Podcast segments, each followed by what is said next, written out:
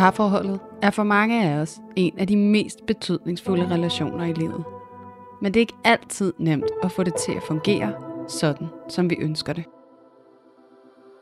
Derfor er vi her, for at give dig alle de bedste værktøjer, vi kender, til at styrke dit parforhold og hjælpe dig til at opdage, at du ikke er alene med de udfordringer, som parforholdet kan byde på. Din værter er seksolog og antropolog Julie Hove, Og selvværdscoach Louise Lukov. og sammen tager vi filteret af parforholdet.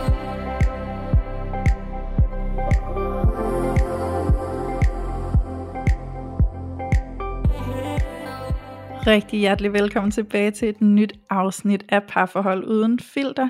Og i dag der har vi ikke nogen mandlig gæst med, men vi kommer altså stadig til at bevæge os inden for mændenes parforhold uden filter. Fordi nu har vi været i gang i et stykke tid med den her nye serie, og vi håber jo, at jer lyttere, der sidder og lytter med derude, er rigtig glade for den.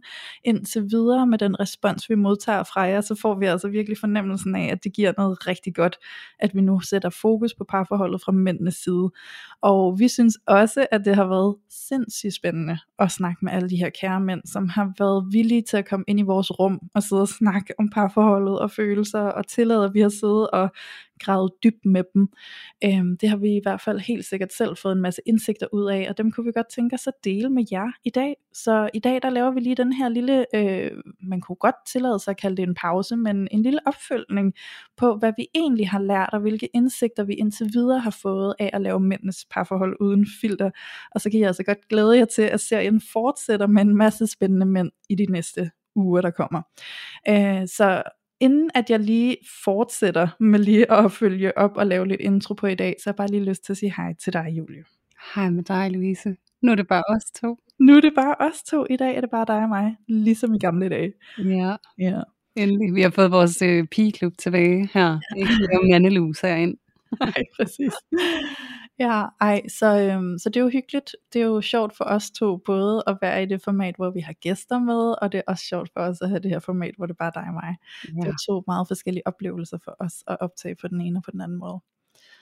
Øhm, men jeg kunne tænke mig bare lige at lave sådan en lille kort opsummering på mændenes parforhold uden filter, som vi jo har været i gang med i de sidste 7-8 uger. Øhm, jeg siger 7-8 uger, fordi at desværre så var der jo en optagelse, der ikke udkom, fordi vi virkelig, virkelig ærgerligt mistede optagelsen.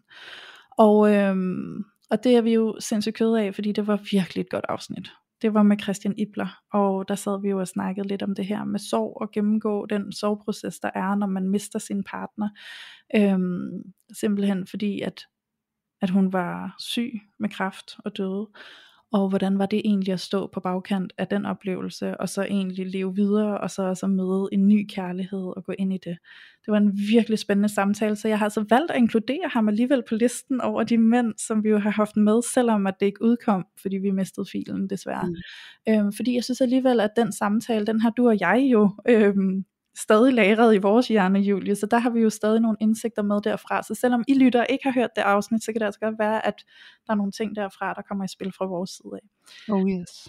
Ej, det var et meget smukt afsnit, og det, øh, ja, nu skal man jo bare sidde og gnide salt i såret, ikke? Og så sige, det gik, det gik I virkelig glip af noget, men det var bare øh, enormt rørende. Øhm, og altså, så var der også lige det aspekt, jeg har lyst til bare lige på den en lille sløjfe omkring, ikke? Altså, det var jo både det der med at miste sin partner, men jo også, hvordan man lever videre, ikke kun sådan i forhold til parforholdsdelen, men også, at de havde jo to børn, og Ja. nu var han far alene, og helt vildt rørende historie, og jeg har lyst til at sige, hvis I synes, at det her lyder helt vildt interessant og spændende, så kan I jo altid øhm, læse eller lytte til Christians bog, der hedder Enkemand, hvor han jo virkelig deler glædeligt ud af, af mange af de her øh, processer, som han har gennemgået på, Mm. i forbindelse med sin kones død, ja. Ida. Så øhm, jeg har kæmpe varm anbefaling til at lytte eller læse Christians bog. Det, det, det fortjener det virkelig. Absolut. Der kan man i hvert fald få den fulde historie, og det jeg også ved, Christian gerne vil med den bog, det er virkelig at række ud og dele den der sorgproces meget sådan autentisk. Øh, noget af det han fortalte os, det var, at når han, altså, da han selv stod i sorgprocessen, der synes han egentlig, det var svært at finde nogle andre, der talte om deres sorgproces, uden at det blev lidt for poleret, mm. eller lidt for sådan øhm, i overfladen, eller at det så lidt for let ud, eller for, for pænt ud. Øhm, han savnede nogen, der virkelig satte ord på nogle af de der sådan helt sådan svære følelser, og når man er sådan helt nede i det der, hvor det ikke rigtig giver mening, og man synes, det er lidt svært at bunde i. Ikke? Ja, og lige så vigtigt, så savnede han jo også nogen, der satte altså fokus på nogle af alle de andre følelser, der også kan dukke op, når man mister, som måske er følelser, man i mindre grad forventer øh, dukker op i en ja. soveproces.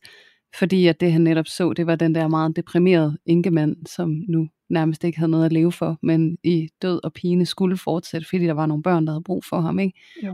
Øhm, og det billede, det matchede slet ikke den oplevelse, han stod med. Så øh, hvis det vækker nysgerrigheden hos jer, så synes jeg virkelig, I skal, I skal give hans bog noget opmærksomhed, og så kan I få et billede af, hvordan sådan en soveproces også kan se ud, og hvordan det også er helt normalt at reagere på den måde, som han gjorde som jo var ved faktisk at mærke en lykke og en lettelse. Ikke? Så det er jo også nogle følelser, man kan stå og føle skamfuld, når man lige har mistet sin kone, og man egentlig bare har det her billede af, at man skal være vildt deprimeret, og man så slet ikke er det, og man tænker, gud, hvad der galt med mig. Ikke? Ja. Øhm, og noget jeg også husker, han sagde, det var det der med sådan egentlig også at blive spejlet fra andre mænd, der talte om deres sorgproces, fordi det han lettest kunne finde, det var faktisk kvinder, der talte om deres sorgproces. Ikke? Ja. Og det synes jeg også er meget sigende for hele den her serie, vi laver, det er jo fordi, at vi ved, at der er så mange mænd derude, som ikke på øh, samme måde som kvinder føler adgang til at kunne tale om deres følelser, mm. og, og om alt det, der foregår indvendigt i dem. Yes. Øhm, og, og, og de har jo brug for det lige så meget som alle andre, så, så det er jo også derfor, vi vælger at lave den her serie. Det er jo virkelig for at give et space til mænd, men også til kvinder, fordi hold nu op, hvor kan vi som kvinder få sindssygt meget indsigt i de her kære mænd, ikke? Men, men særligt også et space til mændene for at træde ind og sige, gud, hvor er det rart at høre andre mænd i tale sætte noget af det, jeg går og føler, som jeg måske ikke snakker med nogen om, fordi at jeg ikke rigtig lige har et sprog for det, eller fordi der ikke er en kultur for, at vi mænd vi snakker om det indbyrdes. Ikke? Præcis. Og et sprog, som man kan forstå, ikke? Altså fordi ja. det er også at vi taler det samme sprog, i stedet for det altid at sidde og lytte til noget, som måske ikke helt resonerer egentlig øh, ja. med den måde, man har det på, fordi man måske netop går og har et helt andet sprog omkring det, ikke? Jo. Ja. Jo, præcis. Det er, det er så rigtigt, altså, fordi det er virkelig bare også det her med, mange mænd oplever måske, at det ene sted, de kan gå hen med deres følelser, det er måske hos deres kæreste, kone, partner, whatever, en kvinde i deres liv. Ja. Øhm, Frej Pral, som vi snakkede med i sidste uge, nævnte jo det her med, jamen, så, så blev hun ligesom det eneste sted, hvor jeg følte, at, at det emotionelle i mig kunne få lov at udfolde sig, have et, have et sted, det ligesom kunne blive hørt og blive snakket om. Øhm, så der var et emotionelt behov, der kunne blive øh, rummet lige der, men ja. det var der jo ikke andre steder. Så når hun ikke var til rådighed, hvor delen skulle han så gå hen? Fordi det var bare ikke noget, sådan, der lige var adgang til med vennerne. Nej. Og det hører vi jo, og det er jo et tema, der går igen, som vi hører fra mange af de her mænd, der har været i studiet og tale med os. Det er jo det her med sådan, jamen der er bare et meget, meget større behov i virkeligheden. De har brug for hinanden meget mere, de der mænd, end de føler adgang til. Fordi de har bare ikke den der oplevelse af, at de i vennekredsen kan sætte sig ned og snakke om følelser. Mm. Fordi det godt kan være lidt tabubelagt. Ikke? Ja. Fordi der er det her billede af, at en mand ligesom skal bare kunne klare sig selv, og ikke have brug for at sidde og snakke om følelser. Præcis. De har brug for det, og det er noget af det, som jeg tror, jeg har fået allermest øh, bekræftet igennem de samtaler, vi har haft de sidste otte uger med de her søde rare mænd, der har valgt at komme ind i vores studie, det er, at mænd har bare i lige så høj grad som kvinder brug for at snakke om deres følelser. De føler bare ikke på samme måde, de har et sprog for det, og føler ikke, der er en kultur for det, hvor der er adgang til det. Øhm, og desværre munder det jo ud i, at de går og føler sig alene isoleret i det. Øhm, Eller at det ligger et kæmpe pres på parforholdet, ikke? Altså at kvinden, hun skal rumme og omfavne alle de svære følelser, øh, der ja. er ved det at være i livet generelt. Ja. Øh, fordi det er jo det der med, at vi, det er jo menneskeligt at mærke. Øh, det er menneskeligt at føle, det gør vi hele tiden. Men hvis man som mand, hver gang man føler og mærker, ikke har nogen steder at vende sig hen, ud over ens parforhold, så bliver det også en utrolig tung byrde øh, på det parforhold. Øhm, så det der med, at, at der kan opstå også noget frustration og noget pres, altså sådan, hvis nu, at man som mand har en kvinde, som man ikke føler forstår en, eller ikke har plads til en, eller ikke sådan kan rumme ens følelser, eller, og så bliver det jo den der, ved du hvad, så vil jeg hellere smække med døren og gå ned i kælderen, og så kan I fandme altså, sejle jeres egen sø, ikke? Mm. Øh, fordi der jo også er en protest mod, at jeg vil fandme at være her, og jeg vil også have plads, og jeg vil også blive rummet, Øhm, og det kan være svært også altså, som kvinde i et parforhold at skulle stå og skabe hele det space hele tiden. Ja. Øhm, fordi at, at der er så lille tilbøjelighed til at vende sig andre steder hen med det. Jeg håber, det giver mening. Det giver sindssygt god mening. Og jeg synes også, altså sådan, ud af det du siger, så vil jeg også tilføje det her med, at det jeg også mærker nu her igennem den her serie, det er jo, at der er en utrolig stor villighed fra de her mænd til faktisk gerne vil snakke om det. Ja. Jeg tror bare, der er en barriere for mange mænd, som er svært lige at komme igennem. Så der er en villighed, der står der og egentlig gerne vil, og der er et behov, men der er en barriere. Hvordan bryder jeg den barriere? Hvordan kommer jeg over på den anden side af barrieren? Ikke? Altså, ja. og, og det kræver jo, at der er nogen, der er modige nok til at prøve det. Altså sådan eksperimentere med at sætte sig selv derud, hvor det er lidt sårbart, og sådan lige pipe lidt til en kammerat, eller et eller andet, og sige sådan, hey, ja. øhm, jeg mærker det her, er det noget du kender? Og så se, hvad der sker, når man åbner den samtale, og så kan det sgu godt være, altså det, det hørte vi jo fra Manus Ren, han fortalte jo, hvordan han havde siddet og åbnet op øh, følelsesmæssigt i sin vennegruppe, og så havde de jo siddet og kigget på ham, som om der var et eller andet helt tosset galt, ikke?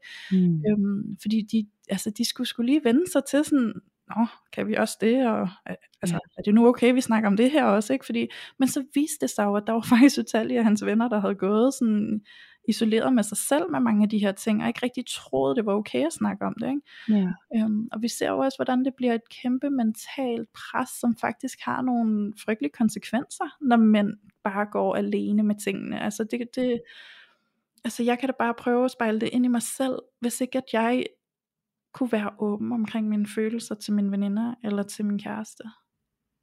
Åh, hvor må det gøre ondt. Altså fordi jeg har der perioder, hvor jeg måske går lidt alene med tingene af den ene eller den anden årsag, og der kan jeg da mærke, hvor tungt det vejer kontra, når jeg så endelig får luft for det, ikke? Ja. Og så bare forestille mig et helt liv, hvor man bare går og holder på det. Ja, men også hvis din kæreste, han vil, hvis han er din eneste ventil, mm. og han ikke er tilgængelig for dig. Ja. Hvad vil du gøre, ikke? Altså sådan, wow, et pres. Altså det føles, altså sådan, på indersiden så desperat på en eller anden måde. Der er ingen sted, jeg kan vende mig hen, og der er heller ikke ret langt til en følelse af svigt. Nej, præcis. Øhm, så det der med, hvis ikke du kan være tilgængelig for mig, så føler jeg mig ret hurtigt svigtet af dig, fordi du er min eneste livline, og du levede ikke op til det, jeg havde brug for fra dig. Ikke? Altså sådan, ja. Og så er der de der store sårede følelser i spil, og hvordan reagerer vi på sårighed? Det er meget individuelt og har meget at gøre med, hvad det er, vi ligesom er opdraget til. Ikke? Mm. Øh, men hvis det så hver gang, jeg føler mig såret, eller at der ikke er plads til mig, eller ikke, at jeg ikke er tilstrækkeligt blevet mødt i det, jeg går og bærer rundt på, jamen hvis jeg så vender mig ud af parforholdet, ikke?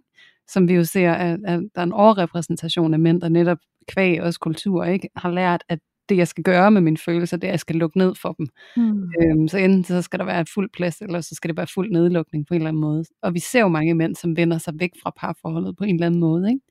Ja. Øhm, så det er jo også det der billede af, hvis man sådan lige zoomer ud, og så ser, hvor skrøbelig en konstellation vi faktisk er i, i parforholdet øh, når man kigger på det her mandlige perspektiv og drager det med ind i det. Ikke? Altså sådan, der er virkelig ikke ret lang vej til svigt. Nej. Og det synes jeg virkelig er enormt tankevækkende. Ikke? Altså hvor, hvor høj grad det her det udspiller sig. Ja. Og hvor kulturelt forankret det er, for det var også noget af det Frej han sagde, og det interessante er jo også lige præcis med en gæst som Frej, ikke? altså han er psykolog, Mm. Og, og, og det er hans far i og for sig også, ikke? Er, hvor man tænker, du må da om nogen være opdraget til på en eller anden måde at have et sprog og kunne fagne og kunne læne dig ind i og række ud.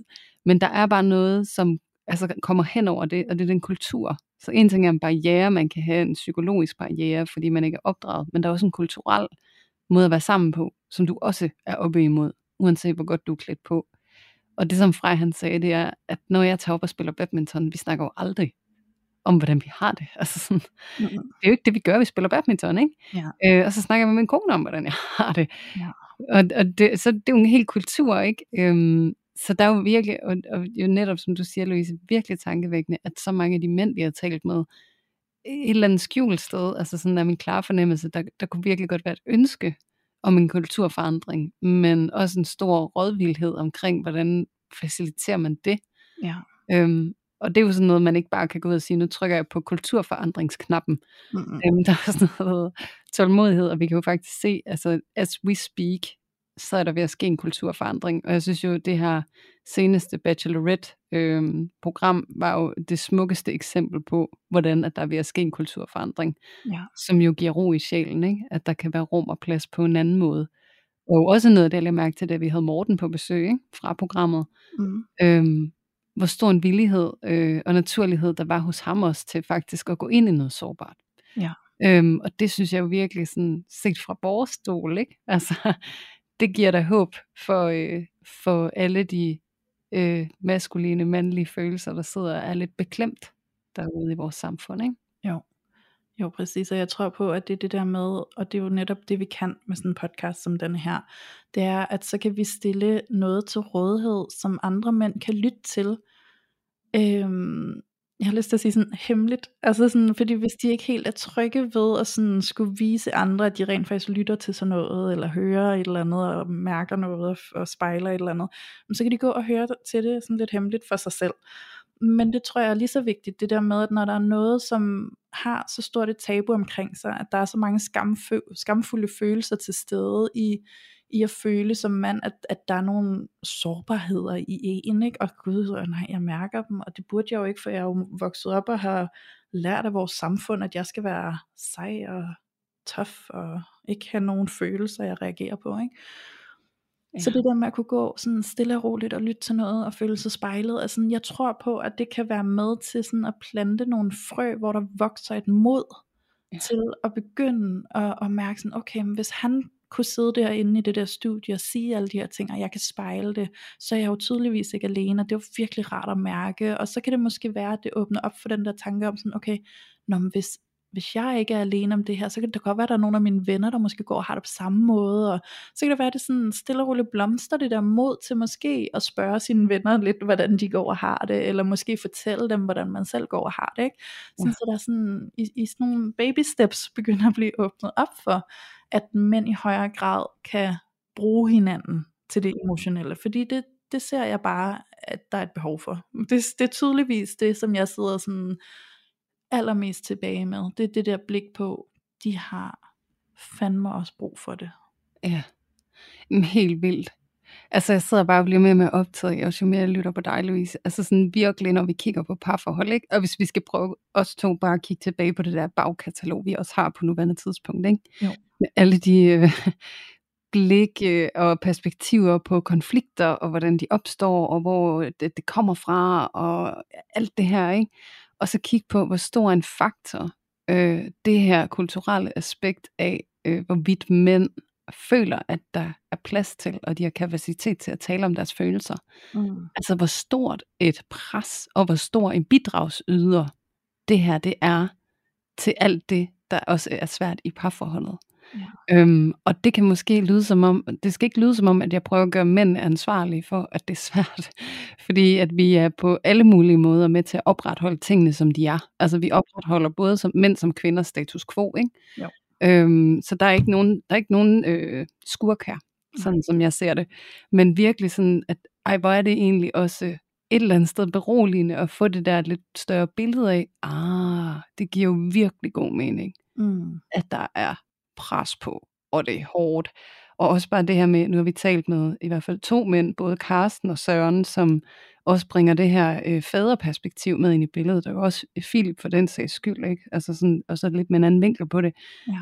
Men den her enorme identitetsforandring, der er ved at blive far, mm. der er ingen fædregrupper. Altså det er noget, der stille og roligt er opstået inden for en, en meget overskuelig årrække, ikke? Og så er det noget, der ofte er motiveret af, at der er nogle mænd, der selv har siddet og sat gang i det. Ja.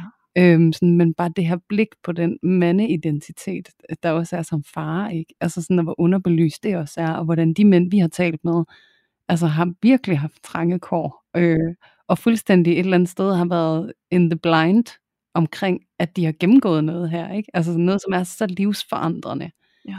Er jo, det er jo så tankevækkende, ikke? Altså hvor alene mange mænd står med alt det kæmpe virvelvind, som livet det bringer med sig. Altså det er mind-blowing. Og ikke engang bare at stå alene med hele den identitetsforandring, der sker, men samtidig med at du oplever den identitetsforandring, så skal du også lige, du ved, være tilstrækkelig i familielivet, ikke? Du skal også lige sørge for det hele, og øhm, du ved, tage hånd om de behov, der er i familien, og støtte din kone, og, eller kæreste, eller partner, eller hvad det er, ikke? Øh, være der for børnene, samtidig med at du går og har hele den der forandrende oplevelse indvendigt, ikke? Ja, yeah. Ja, fordi man er opdraget i så høj grad til at, at være provider øh, ja. som mand. Og så kan man godt sige bevidst, at jeg er sådan en moderne mand, som slet ikke tror på det. Men sådan helt inde i din DNA er du sådan programmeret ind i det alligevel. Så det er, der er en del af dig, der vil være en del af dig, som reagerer på de forventninger, ja. der ligger implicit ude i det samfund, du er vokset op i. Så sådan, det er jo også en struggle, som man går med. Og det er så vigtigt, du bringer det op, Louise, det der med, en ting er den identitetsforandring, du som mand gennemgår, og så er der bare det her kæmpe pres ud over det, mm. på den rolle, øh, den forventning til den rolle, du så skal have i den familie, du er i, ikke? altså som sådan en provider.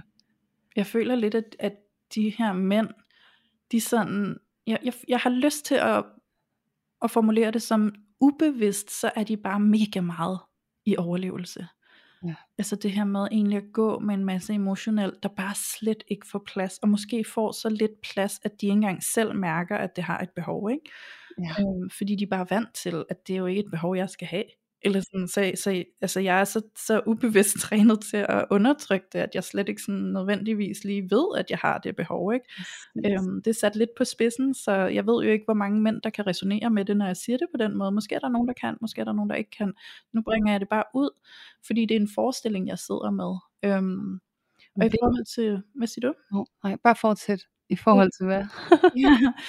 øhm, jamen det var fordi du sagde det her med at der er jo ikke nogen der er skurken Altså hverken kvinden eller manden I det her emotionelle pres der kommer ind i parforholdet På grund af den konstellation der er mellem os Og hvordan vi har adgang til det emotionelle Som kvinder og mænd ikke i samme grad føler det Det jeg ser Det er netop rigtigt hvad du siger Jule Der er jo ikke en skurk der er jo ikke en, der har skylden eller ansvaret som sådan. Det, har vi, det er jo et delt ansvar, men jeg ser jo bare, at der er et gap. Der er et gap til stede. Det gap, der er til stede, det er det, der er skurken. Ikke? Ja. Øhm, fordi der, der sker lige pludselig en afstand imellem os. Det er det her med, at vi som kvinder kan stå og råbe på, at vores mand skal kunne forstå os emotionelt. Ikke? Mm. Og, og det kan han ikke nødvendigvis. Og vi kan måske komme til at forme et pres på, at, det, at kom nu, mød mig nu, som jeg har brug for, og han står der og har bare så lidt redskaber til, hvordan han skal finde ud af at gøre det, ikke? Ja. Og samtidig kan vi som kvinder også øh, måske have den der, nu skal du være den her stoiske mand, der bare kan stå som en stærk klippe, der ikke rigtig mm. har nogen følelsesmæssige behov, ikke? og så kommer der ligesom modsatrettet besked på en eller anden måde, ikke? Øhm, ja. som jeg tror, at, at, at det er det her gap, der så er imellem os, der faktisk gør, at vi kan have det så svært sammen, altså sådan at mødes, og sådan, jeg tror det er der, at konflikten opstår, det er på grund af det her gap, der er imellem vores emotionelle intelligens i virkeligheden, ikke? Ja, men altså det er jo også bare, jeg sagde også til dig, inden vi begyndte at optage, det her med at prøve at beskrive en farve for mig, du aldrig har set, ikke? Jo. Øhm, hvor at man som mand, tror jeg nogle gange godt kan føle sig lidt med op i det der hjørne, sådan, du forstår mig ikke emotionelt, du sådan opfylder mig ikke emotionelt, og sådan noget, hvor at, jeg kunne, altså jeg vil ikke på nogen måde, altså synes det var mærkeligt, hvis man som mand kunne stå og tænke sådan, hvad er det, du beder mig om? Ja, præcis. Fordi at det her, det er jeg ikke opdraget til. Det har jeg ikke lært. Jeg har ikke nogen, øh, jeg har ikke nogen skitse for, hvordan jeg griber det her an. Nej. Og samtidig så går han med det der pres på indersiden om, hvad der skal til for, at han i anførselstegn er en rigtig mand, som han egentlig godt selv kan være stolt af og kan stå indenfor. Ikke? Mm. Øh, så det der med, at der er, mange, der er så mange krav, og der er så meget pres, og der er så øh, der er så meget nul plads eller nul kompetence til at få lettet trykket ja. øh, på alt det, der rumsterer på indersiden. Og vi ser jo også samfundsmæssigt en overrepræsentation af mænd, der tager deres eget liv, ja. og som har misbrug, og som udøver vold, og som kommer ind i kriminalitet. Og, og altså, det er jo ikke, fordi jeg prøver at sidde og sætte lighedstegn, det har jeg slet ikke noget øh, belæg for, men altså, jeg kan da kun begynde at forestille mig, hvordan der kan være en sammenhæng mellem alt det her akkumulerede pres ja. inde i en mand, og så den der måde, at der kommer de der eskapisme modeller med for eksempel misbrug, eller ludomani, eller sexafhængighed, eller hvad det må være, ikke? Jo. Øhm, som, som skal være de der ventiler, hvor man får lettet noget af det der pres der, ikke også? Øhm, så sådan, det, det, det udvikler sig jo til at være et reelt problem, og det der med, når man som mand føler sig som en fiasko, jeg kan ikke være alt det, jeg, jeg er kommet til at tro på, at jeg skal være, for at må være her. Ja. Så tager jeg mit eget liv. Ja. Altså fordi det føles så formålsløst, ikke? Altså sådan, så jeg synes jo også, at de her samtaler med mænd, altså, det, det, det giver jo et billede, hvor at, at vi virkelig også er nødt til, tænker jeg sådan lidt som samfund, at anerkende, altså vi har lidt et problem, øhm, sådan et reelt problem, ikke? Altså, at der er så, øh, at der kan være så stor mistrivsel ved så mange mænd, og så lidt plads og rum og naturlighed til at kunne vende sig nogle steder hen med det, ikke? Jo. Jamen, jeg er meget enig, Julie. Altså, det er virkelig, og det er også derfor, at det gør mig glad for det første, at jeg ser og mærker og fornemmer, at der heldigvis er bevægelse i spil i forhold til at ændre på den kultur, der er omkring mænd og deres emotionelle system, øhm, og åbenhed med hinanden omkring det. Øhm, og samtidig også er mega glad og stolt over, at vi laver den her serie. Fordi det er jo blandt andet derfor, vi gør det. Vi vil jo gerne være en del af den bevægelse. Vi vil gerne være med til at give dem et rum, hvor de kan vokse i. Hvor de kan begynde at føle sig trygge omkring det emotionelle. Ja. Øhm, og hvor vi kan også øh, lade kvinder få et større indblik i, hvordan det egentlig er inde i manden. Altså, hvordan er det egentlig inde i deres verden, ikke? Ja. Øhm, fordi det tror jeg altså, for at være helt ærlig, så tror jeg i rigtig høj grad, så ved vi det ikke, og jeg tror, at vi som kvinder har en tendens til at føle, at vi ved bedre, fordi vi har været vant til, at vi kan bedre snakke om følelser, vi har et større sprog for det, øhm, vi er mere trygge i det, vi, vi er mere okay med at være sårbare og alle de her ting, så jeg tror at rigtig ofte, så føler vi os måske bedre vidne, øhm, og, og jeg tror, at lige der, der sker der den konsekvens, at når vi tror, vi ved bedre end manden selv om ham og hans system, så misser vi ud på den information, der reelt set er inde i ham, om hvordan det er for ham at være ham. Øhm, og, og det synes jeg er sindssygt vigtigt, at vi får det indblik, altså sådan, og Ja. kommer til at forstå, hvad der egentlig rører sig inde i dem, så vi kan forholde os til det, i stedet for at forholde os til det, vi selv tror. Præcis. Ja, det der med, at vi også kommer til at fejltolke på en eller anden måde. Altså, det kan jeg da bare altså, vedkende mig totalt skyldig i, ikke? Altså, sådan, og nu er jeg endda også fagligt eksponeret for at, at gøre netop det her lille mini-overgreb, har jeg lyst, lyst til at kalde det, ikke? Hvor at jeg fuldstændig misforstår øh, min kærestes følelsesliv, og egentlig er så travlt med at analysere det, øh, at jeg ikke rigtig hører efter. Sammen Øhm, her. Ja, så øh, hvis I sidder derude og gør det samme, så don't, øh, don't be ashamed. men, øh, men i hvert fald øh, kæmpe kudos til, at man har lyst til at have en bevidsthed omkring, at man gør det. Øhm, for det der med lige virkelig at lytte og stoppe op, øh, og så faktisk at høre, hvad det er, der bliver sagt. Øhm, og ikke, du ved, øh, gøre det mindre, end det i virkeligheden er. Det der med, at man miskrediterer det. Jamen, det, er jo, det er meget sødt, du prøver, men du er jo sådan en emotionel analfabet, sådan, nu skal jeg nok. Altså sådan, don't diminish it. Ja, og Øhm, lad være med at tage over. Ja, for jeg tror også, det er det mange kvinder, altså også i, vor, i, i vores, har jeg lyst til at sige, fordi jeg er totalt med på det her hold, ikke? Mm. Altså vi- i vores egen desperation nogle gange på at få følelsesmæssigt engageret øh, vores mænd, der kommer vi netop til at tage over. Ja. Øhm, og lige der, så er vi også med til at være årsagen til, at de generelt lukker ned og ikke åbner op, fordi at det de har erfaringer med, der sker, det er, at der sker nærmest et overgreb på det, de lukker op for. Øh, det bliver overtaget, det bliver øh, omfortolket, øh, det bliver, der bliver gjort noget ved det. Ja. Øh, og så, så mister de måske selv det der med at stille og roligt at begynde at gøre noget. Det er ligesom sådan en lille barn, der skal lære at gå. Igen, ikke for at diminish nogen, men prøv at forestille jer et lille barn, der skal til at lære at gå. Og så kommer der en forælder og lægger en hånd i ryggen på barnet, og bare begynder at skubbe dem fremad, for de skal gå hurtigere.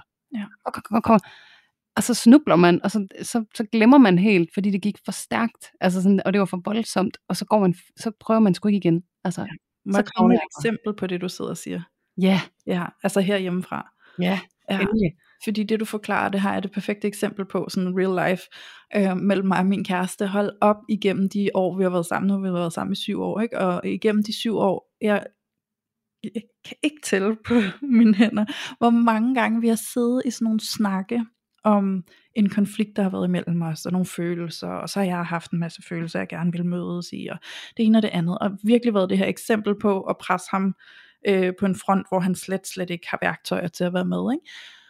Hvor han sådan til sidst nærmest febrilsk har ændret sit udsagn op til flere gange, og det frustrerer mig, fordi så sidder jeg forvirret tilbage, og sådan, hvorfor siger du nu det her? Lige før sagde du det her, det er modsatrettet, nu siger du det, altså jeg bliver forvirret, jeg forstår ikke noget, kan du ikke bare have et holdepunkt, kan du ikke bare fortælle mig, hvordan du har det? Og hvor han siger sådan, men du bliver ved med at presse mig så meget, at til sidst så ved jeg ikke, hvad jeg skal sige, så det er som om, jeg mister forbindelsen til mig selv, og så prøver jeg bare at sige et eller andet i håbet om, at det lander et rigtigt sted over i dig, så det her, det kan stoppe. Mm. Og det er virkelig et godt eksempel på, hvad der sker hos en mand, der bare bliver presset for hårdt i noget, han ikke har værktøjer til at sidde med. Ja. Ja, virkelig. Åh. Ja, Ja, og det er det der med, at man, man undervejs i en samtale kan blive mere optaget af at holde fast i sin partner, end at holde fast i sig selv. Ikke? jo, men Og det er det-. Og det er det, man kommer til, når man bliver presset for meget. Ikke? Jo, jo, og det er jo, altså min læring i det har jo virkelig været det her med sådan, at lytte. Altså lytte meget mere, end at jeg sidder og bliver frustreret, fordi han, det han siger passer ikke lige ind i mig, eller ind i det, jeg vil gerne ville høre, eller Nej. det der lige skulle give forløsning i mig, eller sådan noget, ikke? så virkelig det der med at sådan overgive mig til, okay, men nu lytter jeg, og så respekterer jeg, at det du siger, det er det du har at sige, og Ja. det er måske det du har lige nu, og måske er der ikke flere uddybelser til det lige nu, fordi det har du måske ikke på hånden. Øhm, og så må, jeg, så må jeg tillade, at det tager tid for dig måske lige at vokse ind i at have flere ord, du kan dele ud af, eller sådan flere lag og nuancer til det, end du har nu. Og det kan jeg jo se også, hvordan det har udviklet sig. Altså sådan, hvis jeg skal kigge på det fra den gang, vi startede med at være sammen og til nu, så er han jo meget mere øh, kompetent nu til at kunne sige nogle ting og uddybe og holde kontakten til sig selv, end han kunne dengang. Ikke? Så der er jo også virkelig sket en udvikling. Og jeg tror, det er det der med at være tålmodig som kvinde med sin mands udviklingsproces. Fordi det er det der med at vide, at vi er allerede lysår foran ham, når vi møder hinanden. Fordi at vi som kvinder i udgangspunktet bare har, jeg har lyst til at sige, fået det her foræret lige fra barns ben, og det har mændene bare ikke. Nej, og så har jeg faktisk lyst til også at komme lige med det, du siger der. Det synes jeg nemlig er rigtig vigtigt, at der også kommer en disclaimer. Og det er også, at der er rigtig mange kvinder, der tror, at de er lysår foran. Øhm, fordi at der, der kan nogle gange også være en forveksling mellem, at bare fordi man sætter flere ord på og taler mere om sine følelser, så er det altså ikke det samme, som man har mere styr på dem. Nej. Øhm, og det er der rigtig mange, der tror, øh, særligt kvinder, at fordi de har alle ordene og kan begynde at tale om det, at så er det også fordi, de har mere styr på det, end han har. Ja. Og det, der er altså ikke en sammenhæng mellem, øh, hvor meget eller hvor lidt du taler om dine følelser, og hvad for et sprog du har til at tale om dem, og hvor meget eller hvor lidt du egentlig kan regulere dem, og have styr på dem, og identificere dem. Øhm, fordi det er jo bare, altså, hvordan, er du, hvordan kan du kommunikere det, du mærker, øh, og registrere det, du mærker, der er forskel. Ja. Øhm, og der har jeg lyst til at sige, at fordi at det, jeg, jeg har været i den fælde der, hvor sådan, jeg lyser over foran, altså sådan, også jeg er uddannet og alt muligt, altså pis mig i øret, har jeg lyst til at sige, ikke? Det kan være nok så kloge. ja, men jeg ved du hvad, jeg har taget mig selv i at gå ind i parforhold med sådan en afgangse, Ja. øhm, og som jeg ikke har fået taget ansvar for. Og det er også den afgangse, der kommer til at buller hen over min kæreste. Mm. Og det, det er faktisk ikke ordentligt. Øhm, og jeg har sgu i hvert fald øve mig på at, sådan, at virkelig få en god del respekt, øh, har, er, synes jeg er det helt rigtige ord for mig. Mm. En god del respekt for ham. Ja. Altså sådan, og, og det har været sådan, altså der hvor vi sådan er gået på klinge af hinanden, der har han nogle gange stået sådan og virkelig kigget mig stift ind i øjnene, og sådan, har du overhovedet respekt for mig? Ikke sådan, Ja. wow, og så kunne jeg bare mærke sådan, nej, det har jeg faktisk ikke lige nu. Mm. Øv, hvor er jeg den tavlige udgave af mig selv over for dig lige nu. Ja. Altså sådan, hvem fanden er jeg, at jeg bilder mig ind, ikke at respektere dig som Ej, jeg menneske? ind til det, Julie, må jeg det? For jeg tror, det kunne være mega spændende at høre lidt mere om den der med respekten. Ja, Øhm, så når du stod der, og du bare kunne erkende sådan, nej, det har jeg sgu egentlig ikke, nu hvor du spørger. Ja. Kan du sætte ord på, hvorfor havde du ikke det? Øhm, det var fordi, at jeg forvekslede altså respekt for kompetence og respekt for menneske. Ja. Øh, fordi at, at de ting, han sagde, øh, det, jeg forstod ikke helt. Altså sådan, så jeg prøvede netop det der med at tolke og omformulere. Og, altså sådan, jeg kunne mærke, at jeg ville øh, trække hesten hen til mit tro.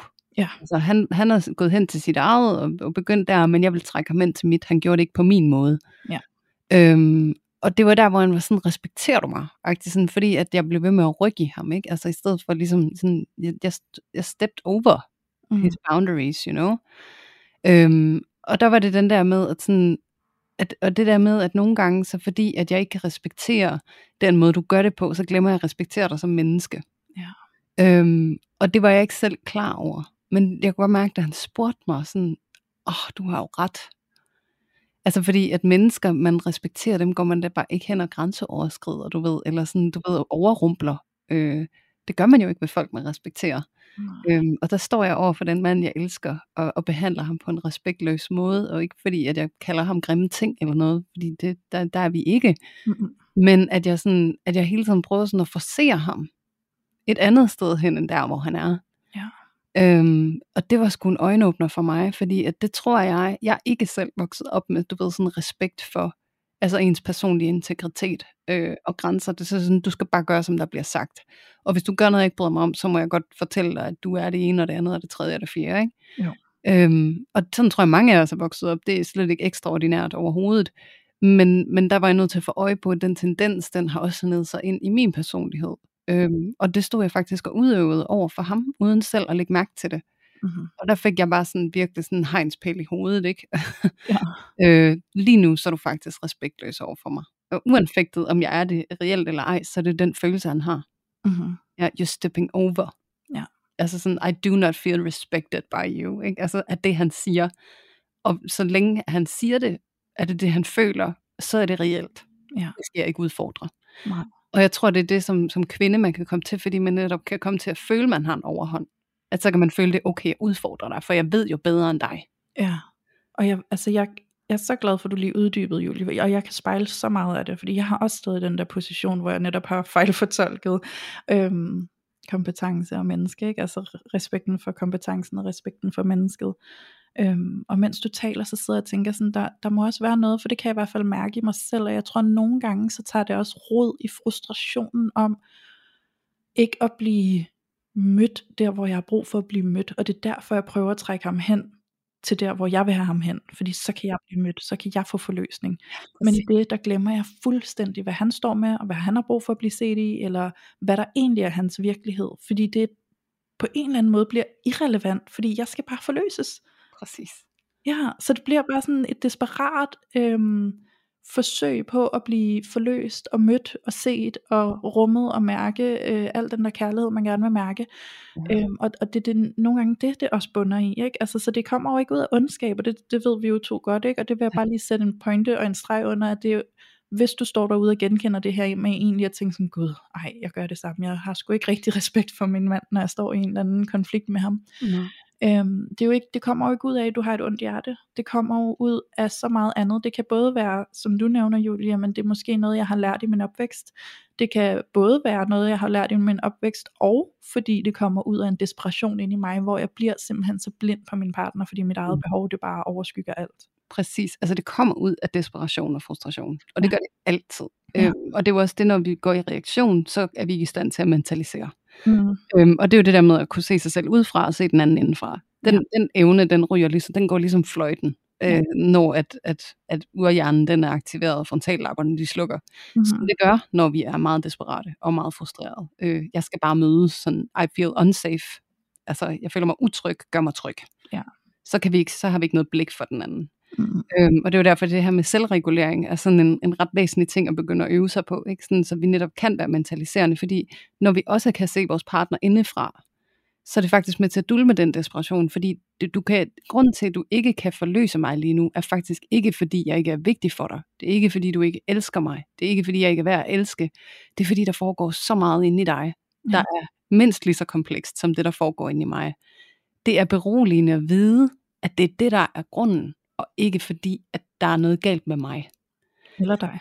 Ja, fordi det er det, vi kommer til at tro på, når vi står der. Det er, jeg er ikke vigtig for dig. Du elsker mig ikke. Du vil ikke møde mig.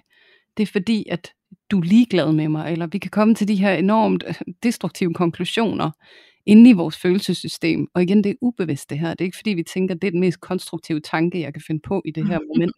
Nej. det, det er det, der sker helt naturligt. Ja. Men jo bedre vi er i stand til at forstå, altså det er også noget, det jeg arbejder med i terapien, ikke? at sådan en kvinde, der står netop virkelig insisterende på kontakten til sin mand, og det hun ser, det er, at min mand han lukker ned og trækker sig. Og lige der, hvis manden han i stedet for at lukke ned og trække sig, han siger, jeg bliver så overvældet, Ja. og så lukker jeg ned. Ja. Det er meget bedre, end at han lukker ned og forsvinder. Præcis. Øhm, så det der med, at det igen, det er ikke måden, vi har det på, der er noget galt med, men det er det, vi stiller op med måden, vi har det på, Mm. gør, at det bliver rigtig, rigtig svært. Ikke? Jo. Så når man står der og mister respekten for sin partner, så er man bare desperat. Ja. Så er man bare mega frustreret. Og det, der ligesom er antidoten til det, det er at netop få sind på sinde. Okay, prøv lige at se mig selv ud fra. Hvad sker der? Hvad gør jeg? Ja. Står jeg og kritiserer ham, så kan jeg da godt forstå, at han ikke kommer og giver mig omsorg. Mm. Øhm, og kan jeg vide, hvad der sker ind i ham? Ja. Ja. Og ikke bare sådan står jeg og kritiserer ham, men også står jeg og gør mig selv enormt bedrevidende, fordi det er en tendens, jeg godt kan have. Øh, når jeg er der, hvor jeg er desperat følelsesmæssigt, så kan jeg godt komme til at, sådan at stå sådan lidt højere end min kæreste, ikke? Altså sådan, Mm. Og så gør jeg jo i virkeligheden slet ikke plads til ham. Præcis. Altså når du står sådan der, så har han da overhovedet ikke lyst til at give dig omsorg eller kontakt. på. Det er da vildt skræmmende. Og igen, det er jo, men det er jo dit bedste forsøg på at overleve, og stå i en svær følelse, ikke at blive mødt. Ikke? Altså, så det er det, du tager på, uden overhovedet at vide, at det er det, du gør tit og ofte. Ikke? Jo. Og jeg har det samme. Jeg har også noget, jeg tager på, der hvor jeg er allermest sårbar. Det er jo der, hvor min kæreste siger, så er det en terapeut, han snakker med. Ikke? Og hende gider han ikke rigtig tale med, fordi hun prøver bare at overbevise ham om, at han er galt på den. Og hun ved bedre. Øhm, det, er ikke, det er ikke kærligt, og, og det gør, at det kan blive intimiderende øhm, som mand, og jeg tror mange, hvis vi skal tilbage til mandetopic, altså jeg tror mange kvinder, netop fordi vi er socialt præget til at have en overhånd i det emotionelle, og i sådan hele omsorgsfunktionen, Mm. øhm, der, der kommer vi til lidt at indtage sådan en bedrevidende position, hvor vi egentlig glemmer respekten for den mand, vi står overfor. Ja. Og det er jo en måde, vi er med til at vedligeholde det her mønster på, hvor at mænd altså får nogle erfaringer med, at det her med at lukke op følelsesmæssigt, det er faktisk meget risikofyldt.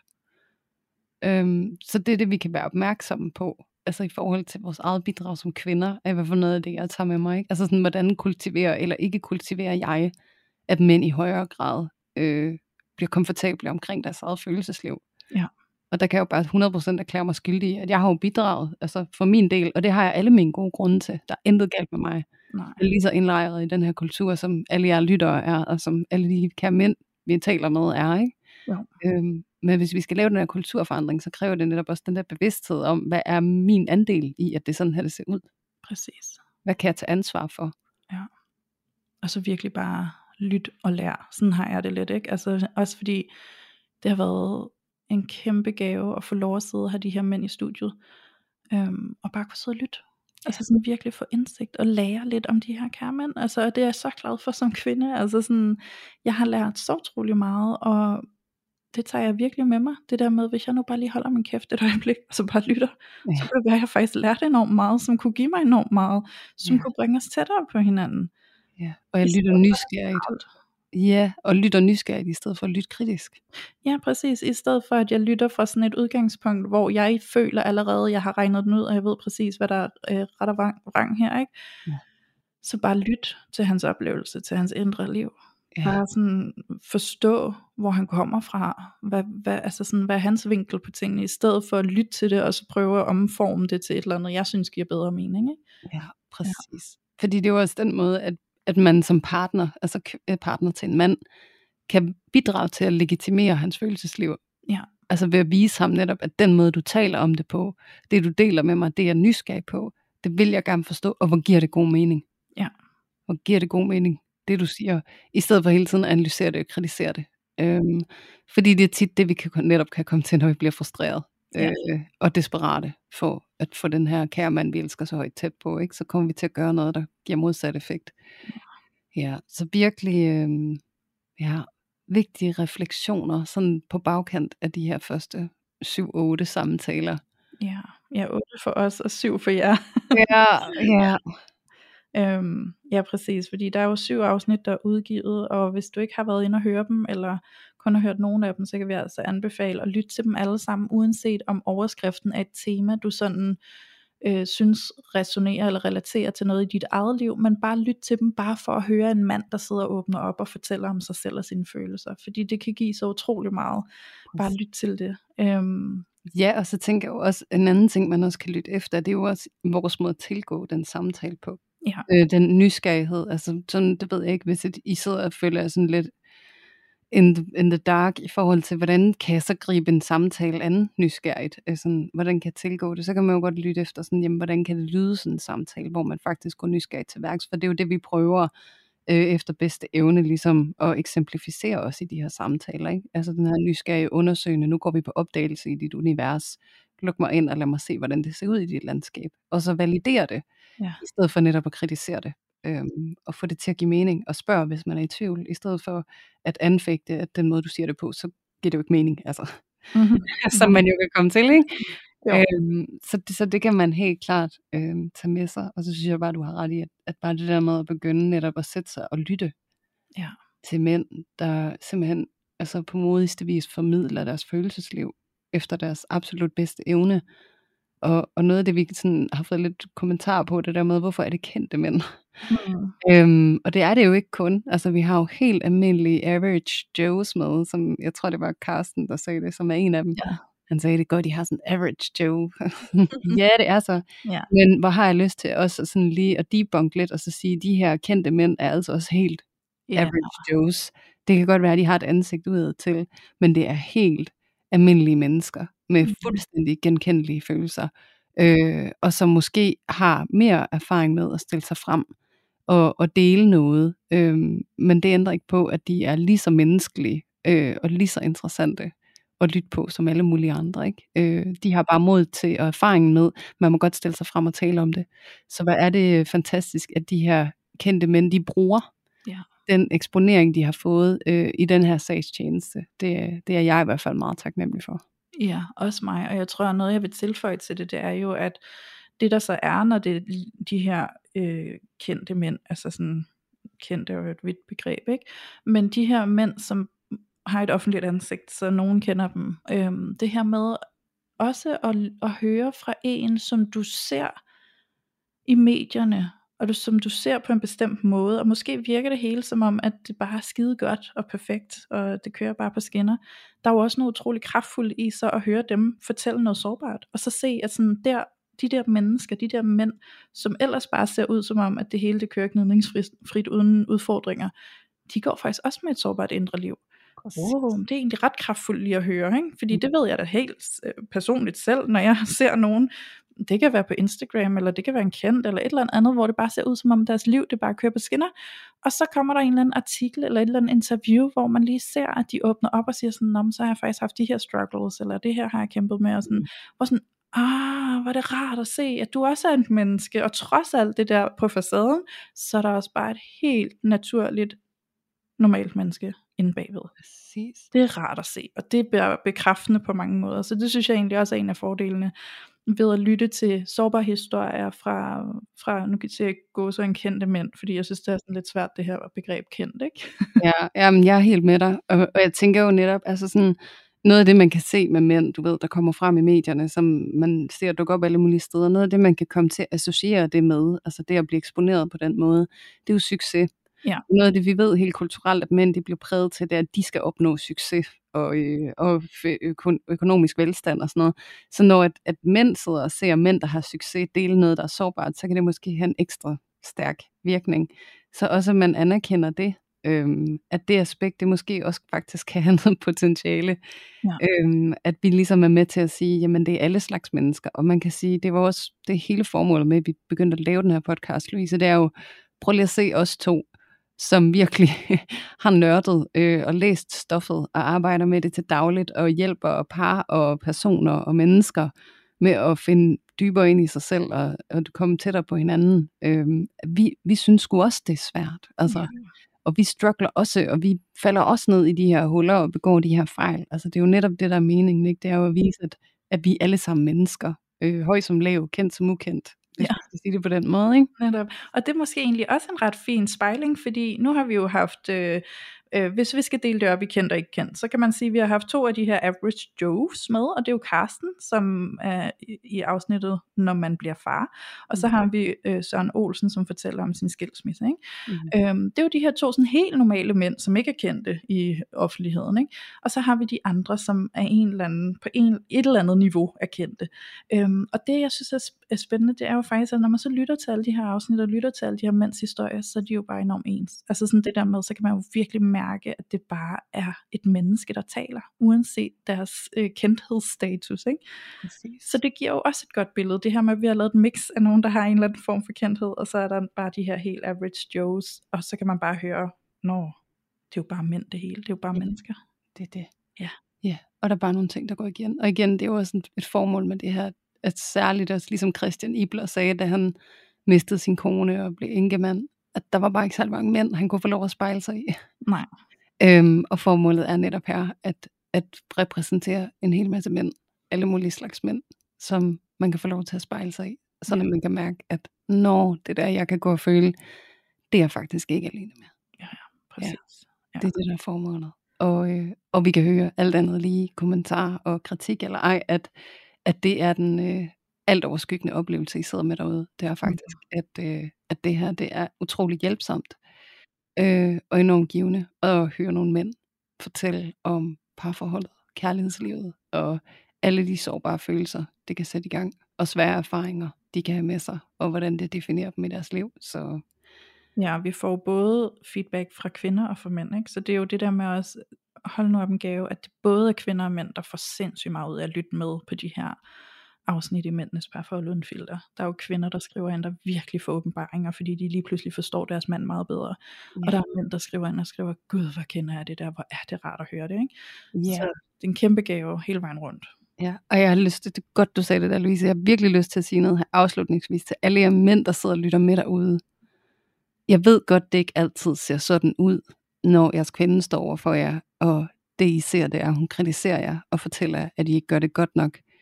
Men det hun i virkeligheden bare rigtig gerne vil, det er, at hun så gerne vil forstå dig bedre, så hun kan få dig endnu tættere på. Ja, Sådan er det altså i 95% af tilfældene. yes. Så kære mænd, det er en meget vigtig besked til jer. Ja.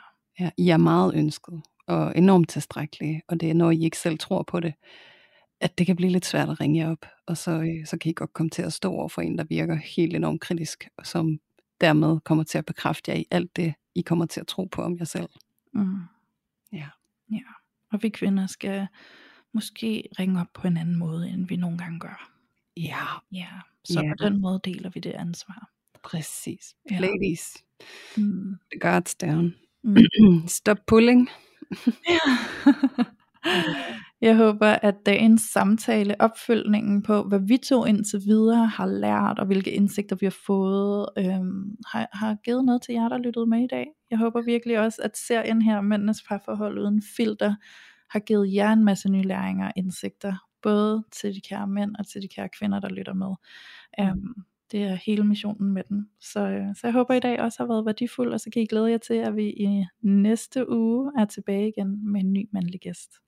Det kan I. Og jeg har lyst til at sige, uden en tus i halsen, at hvis der sidder nogle, øh, nogle mænd derude, nu ligesom øh, det afsnit, vi havde med Søren, han skrev mm. til os øh, og meldte sig frivilligt. Så hvis der sidder nogle øh, mænd derude, så er I velkommen til at øh, skrive til os, hvis I kunne være nysgerrige på at deltage. Vi kan ikke garantere, at I kan deltage, men øh, vi elsker at høre fra jer, og øh, så gør endelig det, og også hvis I sidder derude som lytter og tænker, ej, kunne I ikke prøve at invitere ham her ind i studiet, så må I også meget gerne skrive det til os, øhm, Ja. for så skal vi prøve at række ud. Det vil vi nemlig rigtig gerne. Det er, Eller hvis der er nogle specifikke temaer, som I kan mærke, der er svære i forhold til dynamikken i parforholdet, yes. og I kunne tænke jer at få noget indsigt på det her tema hos manden, så, så skriv det til os, fordi så kan vi prøve at lede lidt efter en mand, der måske øh, har en historie, der vedrører det, eller et eller andet den stil. Så, så ja, hjælp os endelig med, hvem der skal gæste vores studie her i Mændenes Parforhold Uden Filter. Præcis. Ja. Ja. Så øh, Ved du, hvad vi glemte i dag, Louise? uh, vi glemte parforholdsstatus. Det gjorde vi faktisk. Ah, hvor vildt. Okay, okay, men skal vi runde af med den så?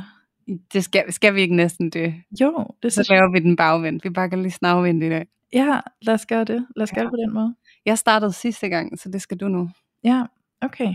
Jeg skal lige samle tankerne, kan jeg mærke. Jeg er lige sådan helt, du ved, taget på sengekanten. Sådan, Jeg vidste godt, at jeg ville tage dig på sengekanten. Okay, den seneste uge. Øh, vi har mandag i dag. Den seneste uge. Jamen, jeg tror egentlig ikke, at jeg, jeg har ikke så fyldt op af et eller andet helt specifikt. Øhm, min kæreste, han arbejder enormt meget lige i øjeblikket. Han har sådan en sæsonbestemt øh, virksomhed, som får enormt meget opmærksomhed, fordi den sådan den går i luften her til december. Det er sådan nogle julemandsbreve, man kan bestille til børn. Øhm, så det er sådan lige nu, at de er i heat for at nå alle deres deadlines og så videre. Så, så jeg synes egentlig, der er meget tiden, der går med det. Øhm, så jeg tror egentlig, at øh, vi, vi, vi tager den tid, vi kan til at hygge os sammen. I går, der brugte vi vores søndag på at tage en tur nordpå og bare sådan være lidt på tur. Det var mega hyggeligt. Øh, jeg går og planlægger en Halloween party, som jeg er meget optaget af, og som jeg gør enormt meget ud af. Øh, og det er jeg meget fyldt op af. Så jeg tror lige nu, der er vi måske bare meget sådan med snotten i vores eget agtige. ikke? Øhm, og så tager vi alle de små huller, vi kan, til lige at kigge ind hos hinanden og sige, hey, Hey, hey, hey. lidt indimellem det hele, ikke? Ja. ja. Så det, det er faktisk bare lige det lige nu. Der er ikke noget sådan helt særligt, øh, der rører sig. Nej. Men det lyder da også bare dejligt. Ja, det, er, det er sådan stille og roligt. Det er sådan easy sailing. Det er Ja. super godt. Smooth sailing from here, er det ikke det, man siger? Jo, det kan man måske sige. jo, Ja. jamen, øhm, jamen så, øh, det lyder dejligt, Louise. Ja. Øh, så tager jeg gerne over. Øhm, jamen, øh, uh, øh, for gang nu, jeg tror at sidste parforholdsstatus, der var det sådan, en, der var sådan lidt afstand og lidt meget arbejde, og øh, min kæreste tog nogle all-nighters og sådan noget. Øhm, og så har vi fået børnefri weekend, og, øh, og, og så har vi lige sådan kunne finde hinanden lidt igen, og haft en rigtig hyggelig weekend, og fået taget nogle gode snakke øh, omkring noget af det, som der også kan være med til at lave lidt afstand. Øhm, og det har egentlig været rigtig rart, øhm, at vi ligesom kunne forvente nogle ting, og der er sådan opstået en genopstået lidt mere nærhed.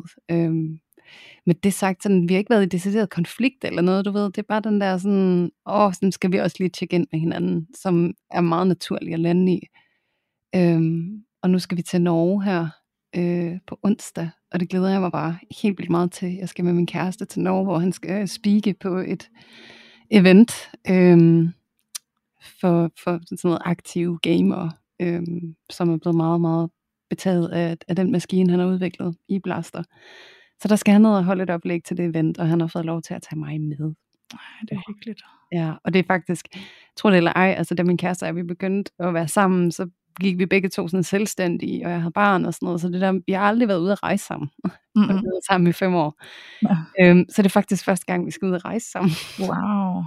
Selvom det er med legebil og færge, ikke? Altså, det var, øh, vi skal ud og bo på et hotel, det er sådan ret, øh, det er ret amazing. Ej, det, hvor er det dejligt. Ja, så det glæder mig bare kodylt meget til. Altså. Det kan jeg så godt forstå. Det bliver ja. da så hyggeligt for jer.